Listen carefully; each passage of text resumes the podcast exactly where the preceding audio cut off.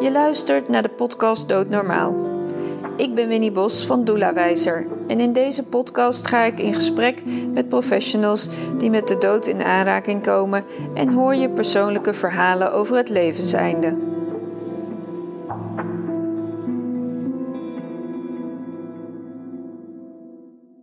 Welkom bij deze nieuwe podcastaflevering. Ik uh, zit vandaag aan tafel met Corrie Rijk. Uh, Corrie heb ik leren kennen via uh, mijn eigen huisartsenpraktijk, waar ik de vraag stelde: ik ben op zoek naar een huisarts die aan de podcastserie Doodnormaal wilde meewerken. En toen werd jouw naam genoemd. En we hebben elkaar even aan de telefoon gesproken. En daarin kwam de uitnodiging van wil je meewerken? En toen zei jij volmondig ja. En ik ben altijd heel nieuwsgierig naar waar komt die ja vandaan? Nou, die ja die kwam vanwege het feit dat ik uh, op de vraag of ik mee wilde werken meteen een soort associatie had met, nou, met, met mijn beroep, met mijn beroepsuitoefening. Het feit dat ik in mijn beroep als huisarts natuurlijk heel vaak met de dood te maken heb gehad. ook vaak de indruk heb dat mensen het heel lastig vinden om na te denken of te praten over hun levenseinde en de dood. Uh, en dat ik als uh, dat ik bij mezelf wel, van mezelf wel vind dat ik ook wel een soort fascinatie met de dood heb. En dat is denk ik ook een van de uh, beweegredenen waarom ik al heel lang scanarts ben. Want een scanarts, even voor de luisteraars die niet die term kennen. Ja. Wat is een scanarts? Een scanarts is niet iemand die bij het scanapparaat in het nee, ziekenhuis staat. Precies. Daar kennen ja. de meeste mensen het woord scan ja. van. Ja. Maar scan is in dit geval geschreven met S-C-E-N. Ja. En S-C-E-N, dat is een afkorting. De S voor steun, de C van consultatie, de. E van euthanasie en de N van Nederland. Het is uh, steun en consultatie euthanasie Nederland. Dus dat betekent dat als mensen er zelf voor kiezen dat het leven eindig is en daar een moment voor willen plannen, Ja. dan kom jij in beeld. Ja, die rol vervullen wij eigenlijk niet voor de patiënt, Nee. maar voor de, uh, de huisarts die de euthanasie gepland heeft met die patiënt. Ja. Of voornemens is die uit te gaan voeren. En in de hele procedure rondom euthanasie is van belang dat er een tweede onafhankelijk arts een oordeel geeft. En dat oordeel dat behelst uh, het uh, afchecken uh, of aan alle zorgvuldigheidscriteria is Ja. voldaan. Uh, en daartoe nodigt hij dan iemand van de scanartsen die dienst Ja. heeft op het moment uit om voor hem te doen. Um, dat is het stukje consultatie. Uh, en daarnaast staat de S voor steun. Dat wil zeggen dat wij ook uh, uh, huisartsen van dienst zijn die worstelen met vragen rondom euthanasie of vragen hebben over de praktische uitvoering Ja. of willen sparren um, omdat ze um, het een complexe zaak vinden of op dat moment een complexe casus uh, daarmee te maken hebben. Mhm. Mm -hmm. Dus dat zijn redenen waarom uh, ook huisartsen, uh, scanartsen kunnen, kunnen bereiken. Ja. ja, want het is natuurlijk nogal wat. Hè? Als iemand bij jou aan tafel komt te zitten die dan de vraag eigenlijk neerlegt van... Nou, het, ik, heb genoeg van dit leven, dus even heel kort door de bocht gezegd. Mm -hmm. Want zo simpel is het vaak niet. Maar um, ik, ik, wil eigenlijk dat u me helpt om een punt te zetten. Ja. Uh, ik bedoel, dan komen we natuurlijk wel een beetje in. Ik bedoel, ook je eigen waardigheid over het leven en hoe je daar zelf in staat. Uh, en dat je dan ineens een bijdrager wordt aan. Ja, dat je iemand gaat helpen om het leven uh, eindig te maken. Ik kan me voorstellen dat dat ook voor je eigen, voor jezelf, uh, ja. dat je daar, dat dat iets met je doet.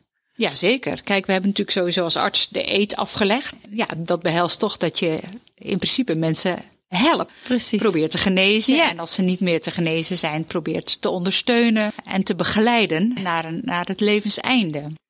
Maar soms is een levenseinde ook heel vreed. Uh, en wat vreed is voor de een, hoeft dat nog niet eens zo te zijn voor de voor ander. De ander. Nee. Want dat heeft ook heel veel uh, te maken met je eigen persoonlijkheidskenmerken. Ja, zeker. Hoe je in het leven staat, ja. hoe je tegen het levenseinde aankijkt. Uh, en wat de reden is dat je niet langer uh, wil leven. En in die zin kan het ook um, een barmhartige dood zijn. Ja, want in principe kan iedere patiënt bij zijn huisarts de vraag indienen.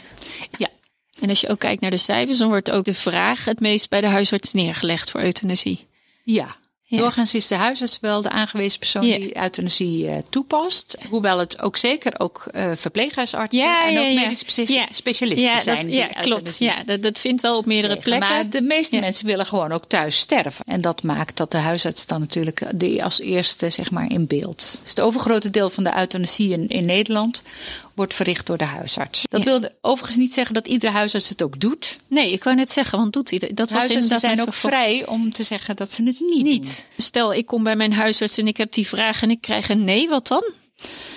Ja, dan kan de huisarts uitleggen waarom die eh, eh, dat niet doet, niet wil doen. En dat kan zijn omdat hij het überhaupt niet wil doen. Mhm. Dat hij daar zijn eigen beweegredenen voor heeft. Eh, maar het kan ook zijn dat hij in jouw specifiek geval die euthanasie niet wil doen. Omdat Ja. hij, kijk, ik zeg altijd, als je als arts euthanasie doet, dan moet het aan twee eh, eisen voldoen. Mhm. Ten eerste eh, is het zo dat je, het moet natuurlijk sowieso aan alle wettelijke zorgvuldigheidseisen voldoen. Ja?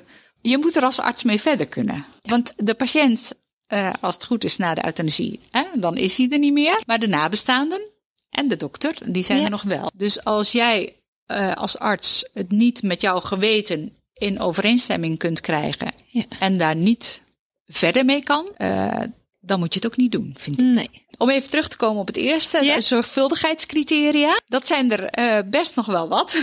Oké. Ten eerste is het zo dat, het, ehm, dat de wens van de patiënt vrijwillig en consistent moet zijn. Dat wil zeggen dat de patiënt niet onder druk van personen of omstandigheden eh, tot die wens is gekomen, maar dat het iets is wat uit zijn eigen poker voortkomt. Zeggen. Consistent wil zeggen dat het geen bevlieging meer is, eh, maar dat het eh, echt een wens is die, die niet meer aan twijfel onderhevig is. En dat moet, dat moet je ook kunnen aantonen. Dat betekent dat je ook meerdere gesprekken moet hebben gehad waaruit Mhm. blijkt dat die wens ook inderdaad consistent is.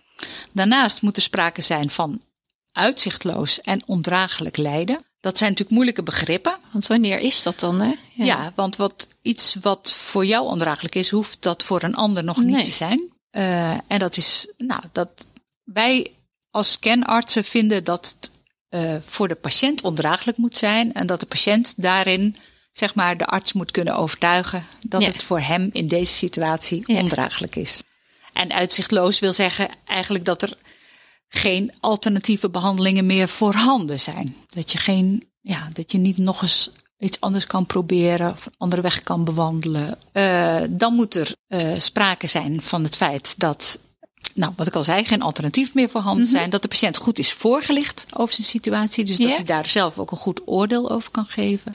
Een ander zorgvuldigheidscriterium is dat, scan, dat er een onafhankelijk arts, dat hoeft overigens niet per se een scanarts te zijn. Dat Oké. mag ook iemand anders. Ja. Het moet wel een arts zijn en hij moet onafhankelijk zijn. Maar er moet altijd een tweede bij. Er moet eh, altijd een tweede arts bij. Het voordeel van een scanarts is dat die eh, goed bereikbaar zijn. Binnenkort, meestal binnen afzienbare termijn, ook die consultatie kunnen doen. Mhm. Eh, ervaring daarmee hebben, daarin opgeleid zijn. Een goed verslag kunnen schrijven. Dus daarmee zeg maar de huisarts of de specialist die de euthanasie uitvoert in de rug ook dekt. Dus dat is een eis. En de laatste eis is dat de, dat de euthanasie eh, volgens de daarvoor geldende richtlijnen ook wordt uitgevoerd. Met de daarvoor bekende middelen in de bekende hoeveelheden. Dat, zijn is- allemaal voorgeschreven eh, feiten die eigenlijk dan zeg ja, maar op, dat, de, op dat het zijn moment... de zorgvuldigheidscriteria Ja, die gehanteerd worden. Ja, ik weet dat in het hele proces, hè, dus, dus stel, eh, ik, ik, ik neem maar even mezelf als voorbeeld. Mhm. Eh, ik ben mijn, bij mijn huisarts geweest. Ehm, nou, we hebben diverse gesprekken gehad. Ik heb ook een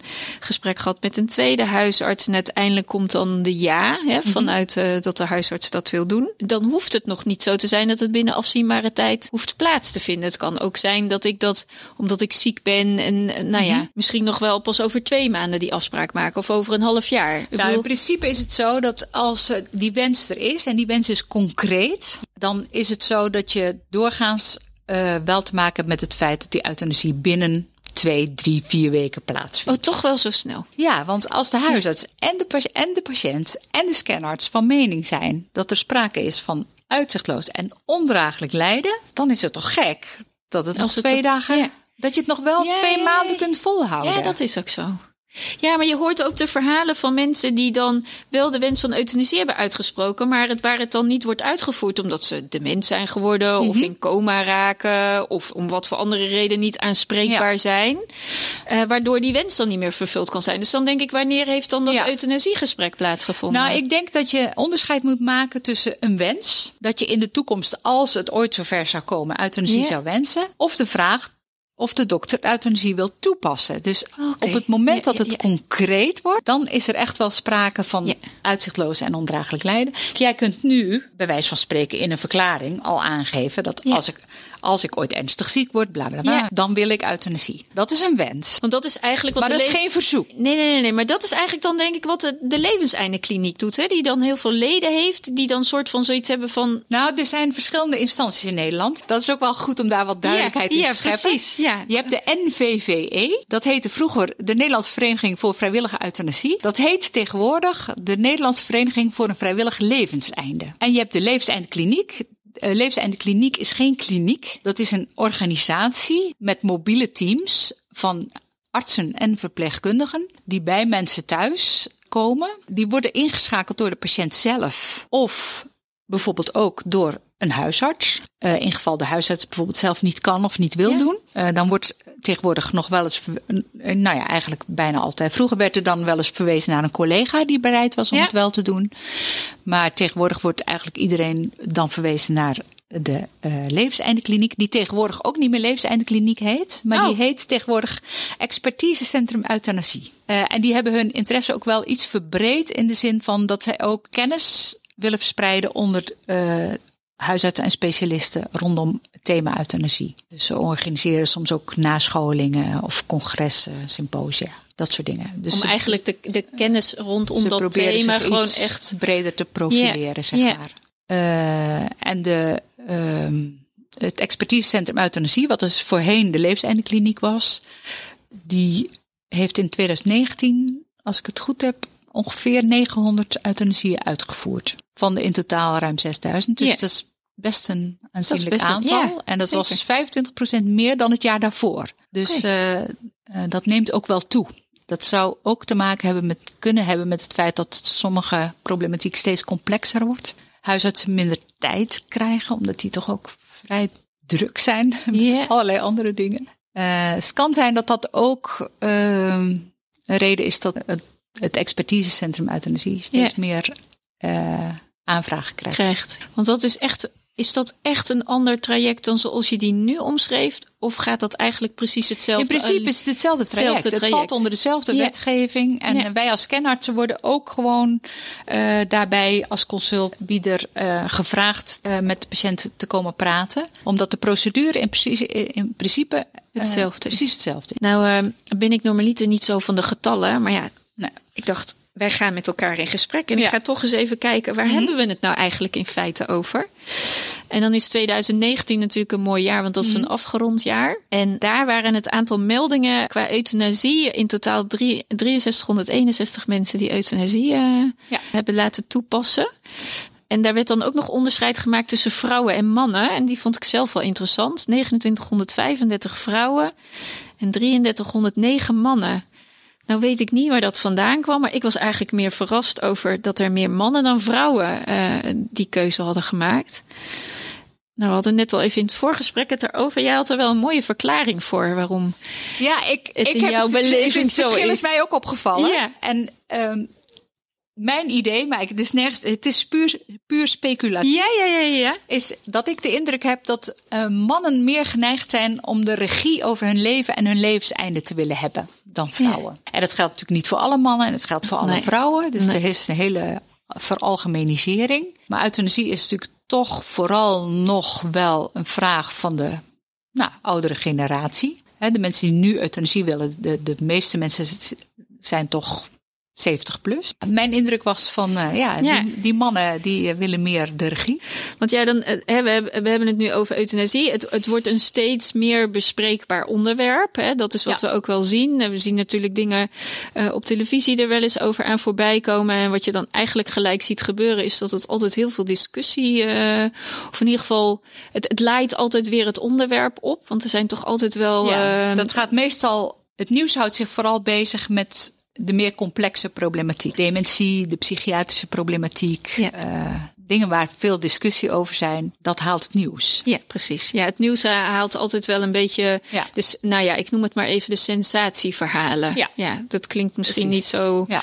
positief, maar ja, dat is Er wel zijn waar mensen natuurlijk naar wel luisteren. meer complexere gevallen, om het zo maar te Ja. zeggen. hè. Die halen het nieuws eigenlijk zelden. Eh, niet in mijn afgelopen week, maar de week daarvoor dat ik een scandienst had, had ik, moest ik twee consultaties doen bij twee verschillende patiënten die allebei niet meer konden praten. Hoe gaat dat dan? Nou ja, je kunt natuurlijk ook op andere manieren communiceren. Hè? Ja. Mensen met neurologische aandoeningen zijn het dan vaak. Die Ja. hebben een hersentumor of die hebben een CVA gehad of die Ja. hebben ALS of een dergelijke ziekte. eh, en daar, waarbij het spreken bemoeilijkt, zo niet onmogelijk is. Eh, maar ook dan eh, is er wel communicatie mogelijk. Dus eh, er zijn mensen die soms met behulp van een spraakcomputer of een Ja. iPad kunnen spreken. Of die door middel van gebaren of ja of nee knikken of handgebaren, hè, dus knijpen. Nou, eh, daar kun je afspraken over maken over welke gebaren iemand Ja. zou kunnen maken. Zolang Ja. het begrip er maar is, Er is. eh, is dat natuurlijk wel heel goed mogelijk. Het lastige is wel dat je moeilijk open vragen kunt stellen. Ja, dat want het blijft dan moeilijk altijd- ja. beantwoorden. Het blijft allemaal een beetje ja-nee hè, in, Ja. in die sfeer waar je dan in blijft zitten. Ja. Ja. Maar ik- ik vind ook wel dat je een heel mooi ding noemt. Ik bedoel, we hebben tegenwoordig natuurlijk ongelooflijk veel technische middelen. En Ja. als je ziet wat die tegenwoordig allemaal kunnen ter ondersteuning, Ja. kan natuurlijk het ja-nee eh, antwoorden door dat soort technische middelen wel ook daarin veranderen, kan ik me zo voorstellen. Wordt er ook gebruik van gemaakt dat jullie eh, de techniek inzetten om dan toch eh, als mensen Nou, niet wij niet zozeer, maar de patiënt zelf vaak al. Hè? Die, hebben, die hebben natuurlijk vaak, als het een chronische aandoening betreft, hebben zij vaak zelf al die mogelijkheden aangereikt gekregen Ja. of Ja. ontdekt. Of, Ja, ja, ja, eh, hè, dus dan, die benutten ze dan vaak al. Mensen met ALS bijvoorbeeld, hè, die beschikken vaak al over eh, een spraakcomputer of een, een iPad waarbij ze de antwoorden intikken en waarbij ze op het knopje drukken kunnen, ja, precies. eh, ja. spraak. En Ja. dan wordt het antwoord gewoon voorgelezen. Ja. Nou heb je ook naast euthanasie palliatieve sedatie. Ja. En er wordt altijd een beetje, of tenminste, ik merk altijd dat mensen dat een beetje verwarren met elkaar. Ja. Kan, je- kan je daar even wat helderheid in geven? Eh, misschien is het eerst nog wel leuk om te zeggen dat euthanasie ehm, onder de euthanasiewet vallen. Euthanasie, dus eh, het toepassen van een dodelijke injectie die je aan de patiënt geeft. En hulp bij zelfdoding. En hulp bij zelfdoding is dat de patiënt een dodelijk drankje aangereikt krijgt en dat zelf tot zich neemt. Dat is wat wij hulp bij zelfdoding. Dat gebeurt altijd in aanwezigheid van een arts die Ja. het drankje aanreikt en die ook eh, bij de patiënt blijft totdat deze is overleden. Eh, die euthanasie en die hulp bij zelfdoding, dat valt allebei onder de euthanasiewet. Eh, dat betekent dat dus de procedure voor die twee vormen in principe helemaal gelijk is. Dus het voortraject en ook het traject daarna waarbij de gemeentelijke lijkschouwer komt. De melding bij de toetsingscommissie. Palliatieve sedatie vinden wij eigenlijk normaal medisch handelen. En dat valt dus niet onder de euthanasiewet. Dat is puur bedoeld om mensen zoveel mogelijk te ondersteunen in hun weg naar de dood. Eh, bij palliatieve sedatie is het zo dat wij dan soms ook wel onderscheid maken tussen permanente palliatieve sedatie, waarbij Ja. iemand de hele tijd onder zeil is, of intermitterende sedatie, waarbij patiënten ook af en toe nog wakker worden. Palliatieve sedatie wordt alleen toegepast als alle andere middelen ontoereikend zijn om de patiënt voldoende te kunnen helpen.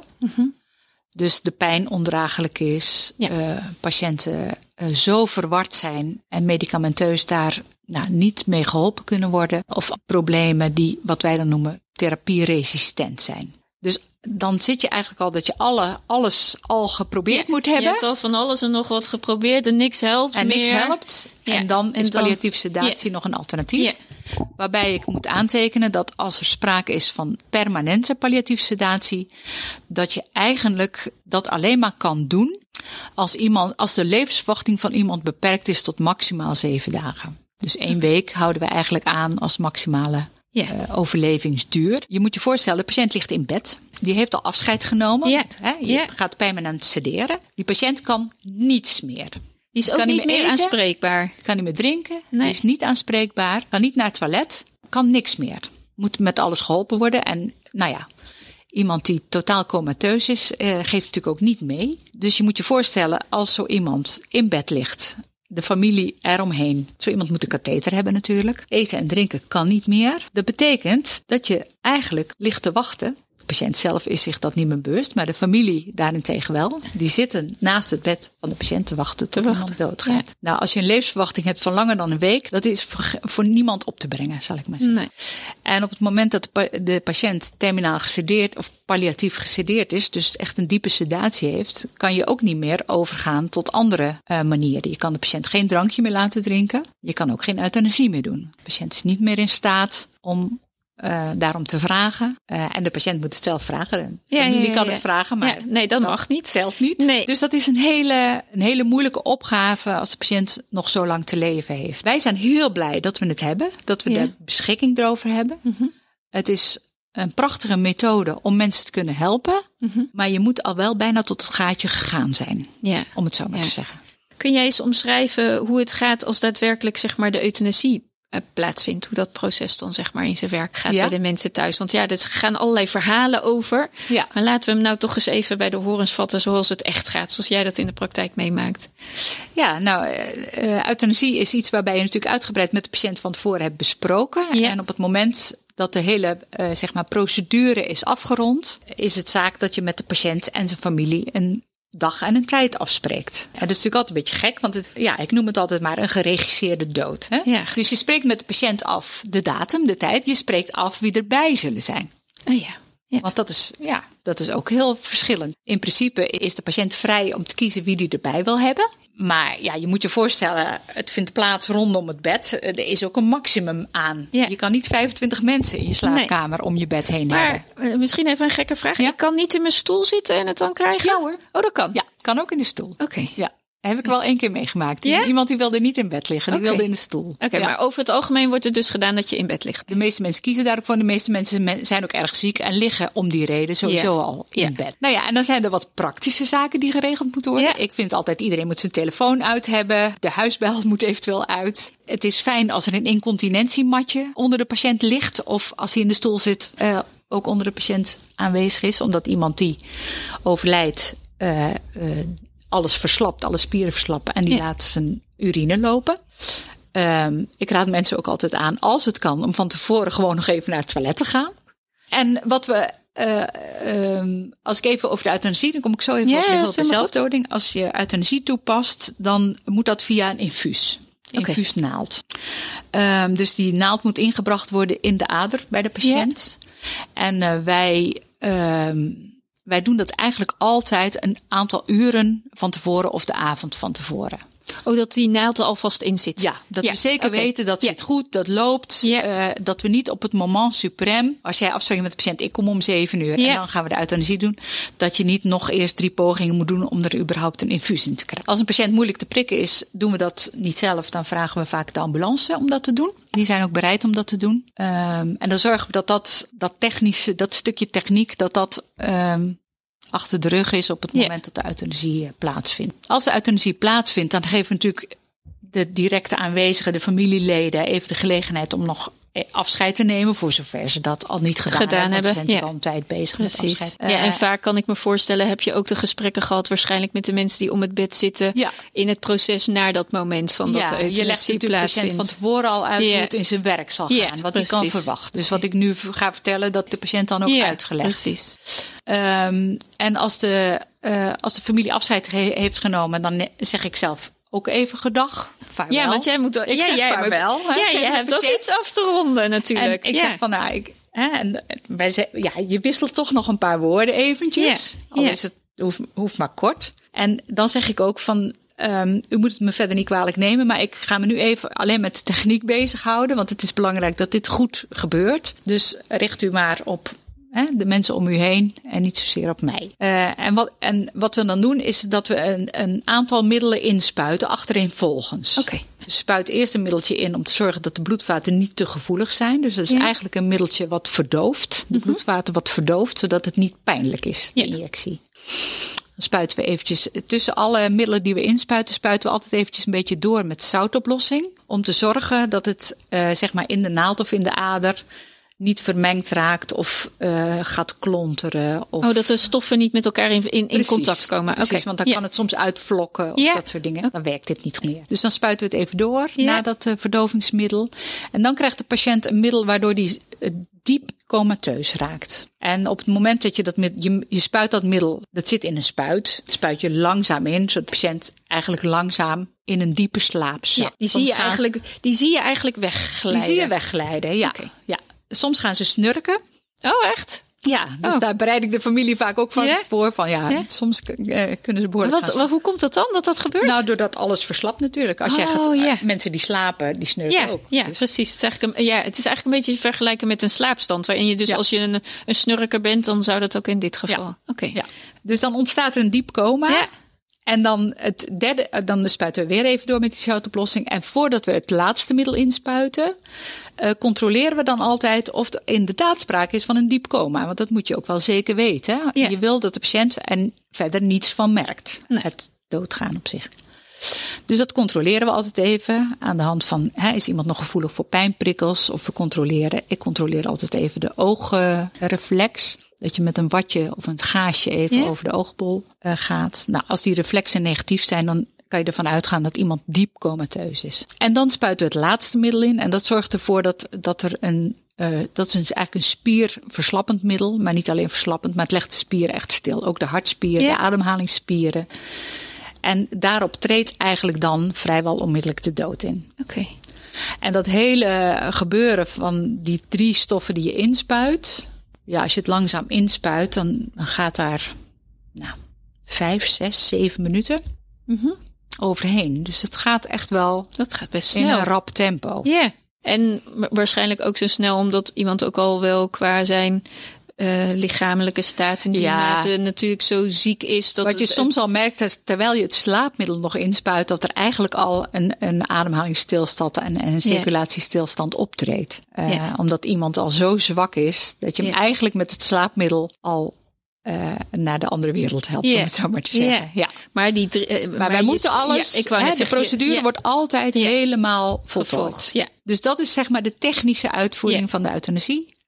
Bij hulp bij zelfdoding heb je een drankje, dat is 100 milliliter, dus zeg maar een half eh, bekertje vol, met een drankje waarvan men beweert ja, dat het wel een beetje vieze smaak kan hebben. Oké, okay. is dat drankje te vergelijken met de stof die je dan inspuit bij euthanasie? Of? Ja, het is te vergelijken met het slaapmiddel wat je geeft. Oké. Dus het is een hele hoge dosis van een zwaar slaapmiddel. Uh, en dat drankje, dat, dat, dat, die stof die daarin zit, zou vrij bitter smaken.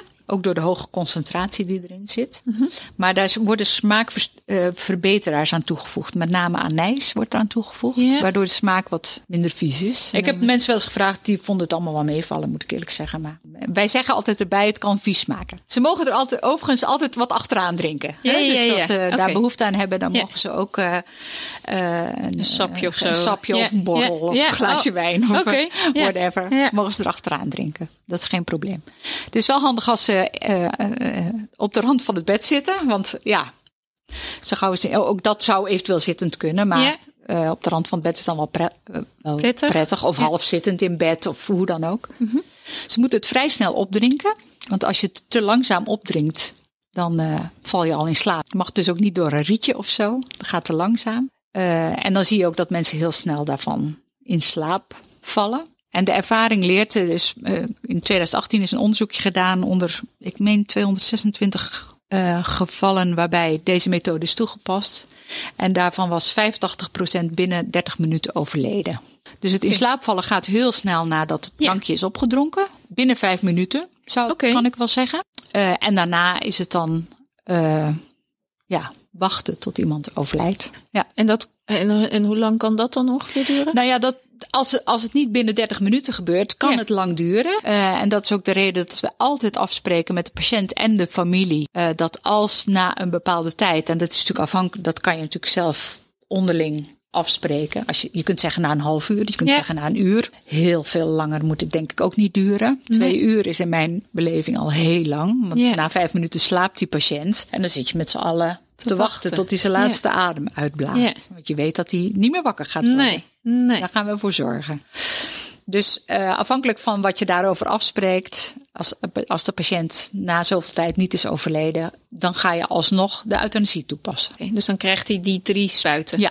Dus ook bij mensen die een drankje, want ik heb wel eens een patiënt gehad die zei van, oh ik kies wel voor dat drankje hoor, want dan hoef ik geen prik. En ja, ik zei ja, dan moet ik het teleurstellen, want als je, als het namelijk niet lukt met het drankje, dan moet ik u alsnog oh, ja, euthanasie ja, geven en dan moet ik wel een infuus hebben. Er is dus zo'n 15% waarin dat dus niet lukt, waar, die, waar je dus alsnog de euthanasieprocedure toepast.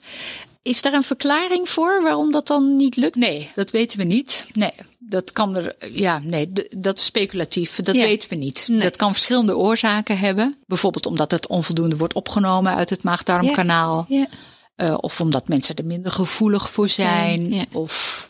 Nou ja, dat, is natuurlijk niet te zeggen. Nee, nee. Je kan het ook niet bij iedereen doen, want mensen die misselijk zijn en braken, die. Uh, die, die, uh, daar kiezen we niet voor deze methode. Nee. Overigens geven we ook van tevoren altijd een antibraakmiddel. Okay. Als we dat, als Om we tegen te gaan. Ja, ja, ja, ja, En dat doen we twaalf uur van tevoren. Oh, oké. Okay. Zes uur van tevoren en ja. één uur van tevoren. Oké, okay, dus er gaat dan... echt bij beide processen ook nog wel wat stappen vooraf. Ja. Dan het daadwerkelijke moment waarop je dat doet. Ja. En nou noem je het specifiek hè, hulp bij zelfdoding. Ja. Ik had het idee dat dat echt iets verschillends was. Vallen die onder dat getal wat ik straks noemde van die 6331 ja. mensen? Ja, oké. Want die vallen ook onder de euthanasie. euthanasie. Ja, dus die worden dan. En hoeveel mensen van die zeg maar ruim 6300 hebben dan hulp bij zelfdoding? Ja, heel weinig, 4% maar. En, en dat is opvallend, want de vraag is waar dat mee te maken heeft. Zijn er, zijn, uh, zijn er een heleboel patiënten die dat dan niet willen? Mm -hmm. Dat kan.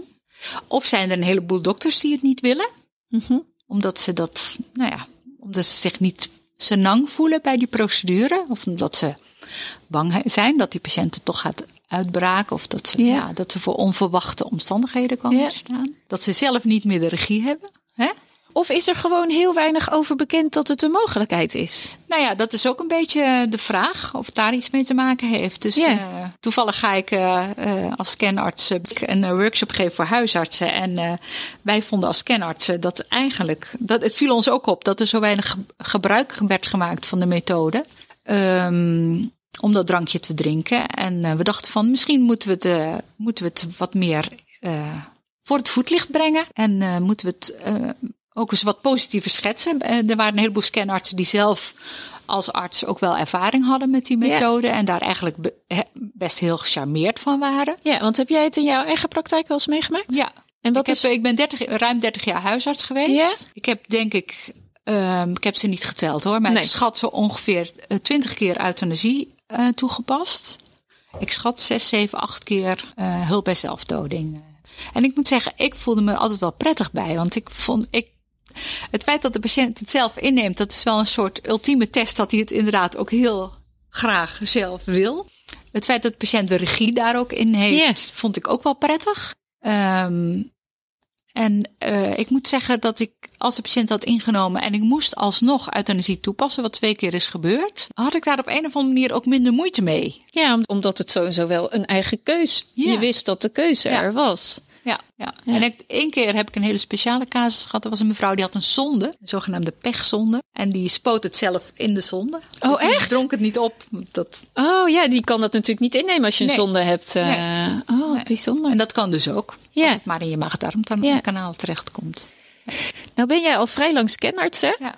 Want uh, dat kwam in rond 1987 of zo kwam dat in de ja, wereld. Ja, het is in Nederland, het is in Amsterdam begonnen en het is, is eigenlijk uh, uh, toen ja, over Nederland uitgevloeid. Toen heeft de KNMG daarin de regie genomen. Dat is onze beroepsvereniging. Ons, ja, onze, ja, precies. Ja. en toen is, toen is er in heel Nederland een dekkend netwerk van scanartsen gekomen. Ik denk dat ik het zeker 15 jaar doe, maar ja. het kan zijn dat het wat langer is.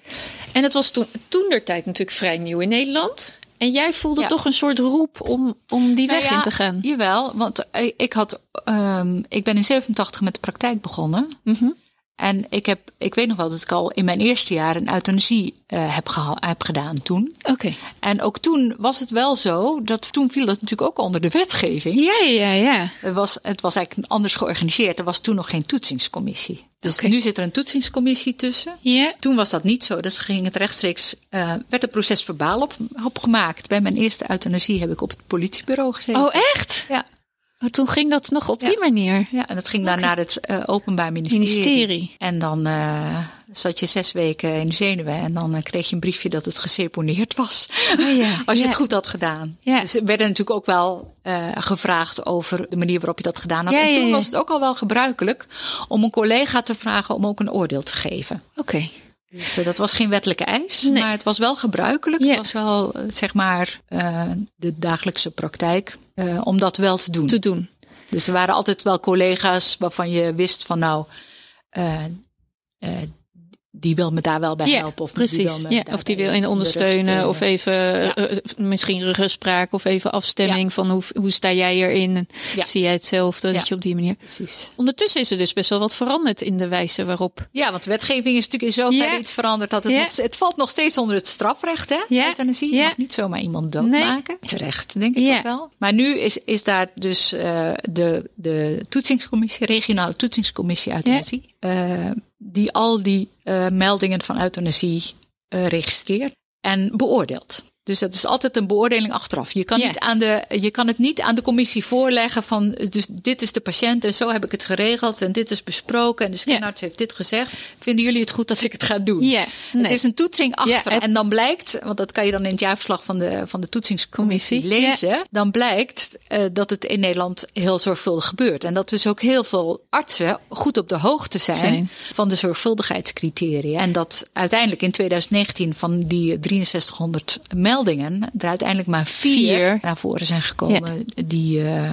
die niet voldeden aan de zorgvuldigheidscriteria. Ja, want je noemt inderdaad, hè, het valt onder het strafrecht. En ik, en, uh, um, uh, ik denk dat wat veel mensen zich niet bewust van zijn. En daar was ik zelf ook wel verrast over toen ik wat meer ging verdiepen in het onderwerp. Is dat er ook gewoon ergens vermeld staat dat als een arts het niet op een goede manier zou Mhm. doen, dat, dat daar ook een straf, een straf aan vastzit. Waarmee Ja, je ervoor in de gevangenis kan, Ja.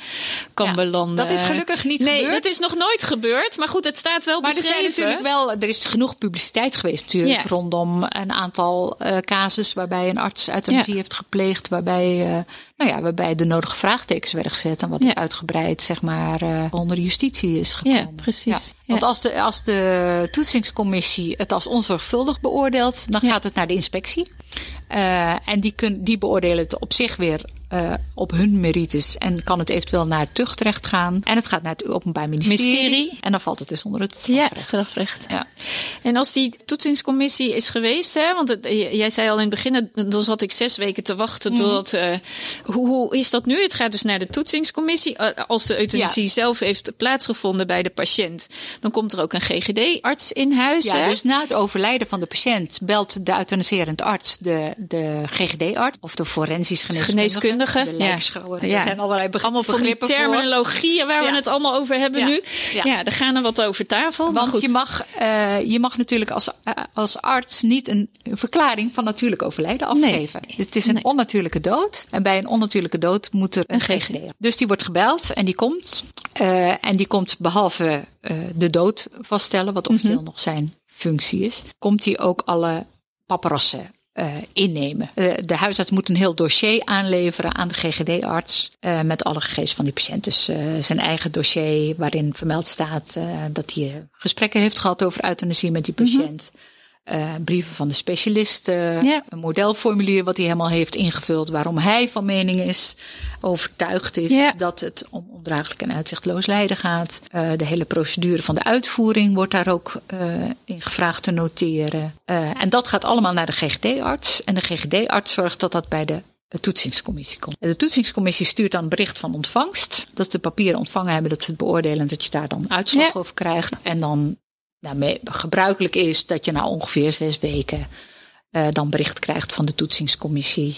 Uh, waarin zij dan hopelijk zeggen dat het, dat okay het zorgvuldig was. is uitgevoerd. Ja. Ja. ja, want ik vind, en, uh, toen ik dat las, dacht ik, jemig, dat is best belastend voor je als arts die dan die euthanasie uitvoert. Dat je eigenlijk ook soort van, ik bedoel, je weet natuurlijk zelf of je je werk goed hebt gedaan ja. en of je je procedures ja. hebt nee, gevolgd. Wordt getoetst. Ja. En, en ja, je weet, hè, dat is onderdeel van je vak, je wordt getoetst. Ja. Maar dat lijkt me ook wel een, een periode van, ja, nou ja, is het, is het oké okay of is het niet oké? Okay? Ja. Waarin je een soort zes weken in een soort onwetendheid zit van wat, wat zal het antwoord zijn? Ja. Dat doet toch ook iets met je, kan ik me zo voorstellen. Ja, uiteraard. Ja. ja.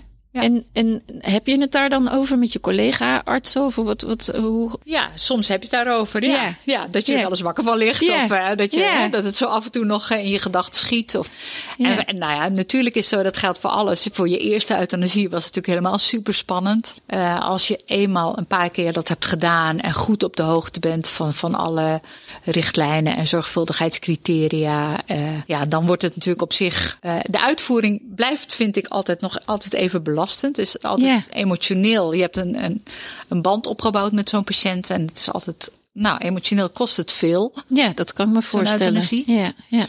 Uh, maar uh, de rust die je daarna hebt, uh, die komt dan wel. Ik bedoel, het geeft ook rust als het eenmaal achter de rug is.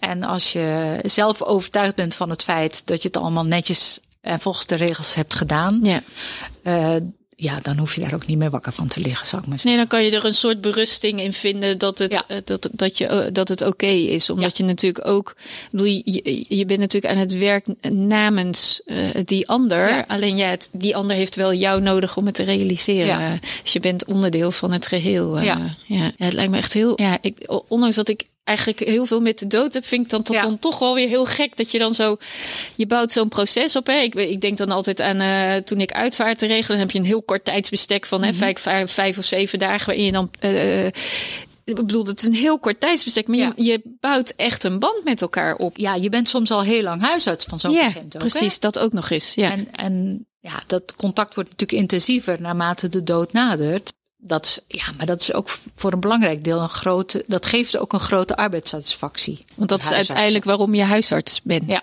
Om echt ook wel de mens gedurende zijn leven gewoon echt bij te staan. En dat betekent dan ook als het einde daar is. Ja, het is soms complex en het is belastend, maar het is ook mooi. En, het is fijn dat het kan, hè? Ik bedoel, uh, ja, wij leven bedoel, natuurlijk in Nederland in een in wat dat betreft, uh, weet je, is een cultuur waarin dat gedoogd wordt, zal ik maar zeggen. Want ik denk altijd als ik dan wegga bij zo'n patiënt, ik ik hoop dat iemand het ook voor mij wil doen als ik het zou willen. Dat is nog wel even een vraag die me opkomt. Hè? Dan, dan heb je dat proces gedaan. Uh, de patiënt is overleden. Mhm. Is er dan ook nog nazorg voor degene die achterblijven? Of hoe gaat dat in zijn werk? Dat hangt er vanaf uh, of de familieleden in jouw praktijk zitten. Hè? Oh ja, dat is ook nog interessant. Meestal is er een partner of, uh, mm -hmm. of heb je wel een contactpersoon hè? Als, yeah. als iemand alleenstaand is of een weduwe die wel kinderen heeft. Kijk, als er een partner is, is er natuurlijk altijd nazorg. Dat yeah. geldt voor elk overlijden, niet alleen voor euthanasie. als er geen uh, familieleden in de praktijk meer zitten, ja, dan, dan bel je uh, nog eens een keer. Uh, Zo'n contactpersoon. Ja. Dat doe ik, dat, die, die gewoonte had ik wel om na een paar weken nog eens even te, te bellen, bellen. Erop terugkeken. En wat kreeg je dan? Kreeg, wat, wat kreeg je dan wel eens terug als je dan zo'n nagesprek had? Ja, verschillende dingen. Meestal positief, laat ik dat vooropstellen. Ja. dat mensen het ook mooi hadden gevonden hoe het gegaan was. En dat ze de patiënt gegund hadden. Dat ze blij waren dat hij uit zijn lijden was. Mm -hmm. en, mm -hmm. Dat zijn meestal de verhalen, de verhalen die je terugkrijgt. Maar er zijn ook wel mensen die zeggen, ja, ik vond het toch wel gek, zo'n ja, zo'n geregisseerde dood. Het is ook eigenlijk wel gek. En tegelijkertijd heeft het ook een schoonheid. Want wat ik, kan mij, eh, wat ik mij kan herinneren van de verhalen, als ik dan zeg maar als uitvaartverzorger in het ja. verleden aan tafel zat, is dat het zo'n waarde heeft dat mensen weten hoe iemand gestorven is. Ja, ja. En dat het is natuurlijk wel een waardige manier van overlijden. Ja. Dat is het zeker. En dat zij erbij hebben kunnen zijn. Hè? Want ja. uh, er zijn ook heel vaak scenario's waarin mensen plotseling, plotseling wegvallen. Overlijden. Of dat je er ja. niet bij was. Of dat je te laat was. Of nee, nou noem allerlei redenen maar ook. Dat doet iets met de mensen. Je kan hier naartoe groeien. Ja. Je groeit eruit. Dat is ook het proces. Dat je er met z'n allen naartoe groeit. Hè? De huisarts, de patiënt, de familie. Uh, ja, en wat ik daarin dan zo mooi vind, hè, uh, als, ik, als ik het dan heb over ik wil uh, mijn missie het levenseinde dood normaal maken, dan wordt eigenlijk in zo'n proces de, de dood ja. letterlijk doodnormaal. Ja. Hoe pijnlijk dan er ook ja. daar wel in waarschijnlijk in het proces uh, dingen ook aangeraakt worden. Want ja. ja. je weet, je gaat iemand missen en ja. afscheid nemen. Ja. Maar het is wel een bespreekbaar zijn... onder, onderwerp geworden. Ja, en voor heel veel mensen, heel veel mensen zeggen ook van uh, die laatste fase van mijn leven is heel waardevol geweest. Ja. Ik bedoel, nog ongeacht hoe je uiteindelijk aan je eind ja, komt ligt hoor. Dus het geldt ook voor mensen die natuurlijke dood ja, sterven. Zeker. Ja, zeker. Uh, want die komt uh, vaak ook niet onverwacht. En mensen ervaren die periode wel vaak als waardevol. En, en je ziet vaak dat familiebanden weer versterkt worden. Dat, en dat is ook heel mooi. Zeker. Ja. Als er als we nou in, in dit hele verhaal van hè, uh, het levenseinde, en nou ja, hoe we, hoe we dan ook ieder op onze eigen manier aan dat einde komen, want we weten allemaal het komt een keer. Ja. Is daarin nog iets wat je, wat je aan de luisteraar zou willen meegeven? Nou, praat erover. Dat vooral, denk ik. Denk erover en praat erover. Dat is denk ik het allerbelangrijkste. En, En en je hoeft helemaal niks op papier te zetten. Je hoeft helemaal geen schriftelijke wilsverklaring te hebben. hè. Ook niet van euthanasie of een hulp bij Nee. zelfdoding. Het is geen zorgvuldigheidseis. Het is fijn. Het ondersteunt eh, eh, je motivatie. Het helpt de huisarts misschien ook als hij zwart op wit dat van jou op papier heeft. Maar je hoeft geen lid te worden van de Vereniging voor eh, Vrijwillige Leefstijden. Je hoeft niet naar de notaris. Nee. Eh, je mag het liefst eigenlijk gewoon in je eigen woorden best opschrijven. Eh, maar het, het is geen, het is geen no-go als je het niet hebt. Nee. Dus dat is denk ik heel belangrijk om te weten. Er hoeft niks over op papier, maar denk erover en praat erover. kunnen ze dan gewoon googlen? Hè, Ja, er is een hele leuke site. Die heet euthanasiedoodnormaal.nl. Daar Oké. staat heel eenvoudig heel veel informatie op. Ook voor kinderen zelfs. Oh, dus echt voor alle leeftijden. Ja, Nou, laten Ja. we de mensen daar dan naar dus verwijzen. euthanasie Doodnormaal.nl. Nou, sluit mooi aan bij jouw eh, ja, precies. podcast. Zeker. Nou, dankjewel zover. Graag gedaan. Je hebt geluisterd naar de podcast Doodnormaal. Mijn missie is om het levenseinde doodnormaal te maken. Elke vrijdag staat een nieuwe podcast voor je klaar. Volgende week praat ik met Evelien Buinsters over wat levensangst met je doet.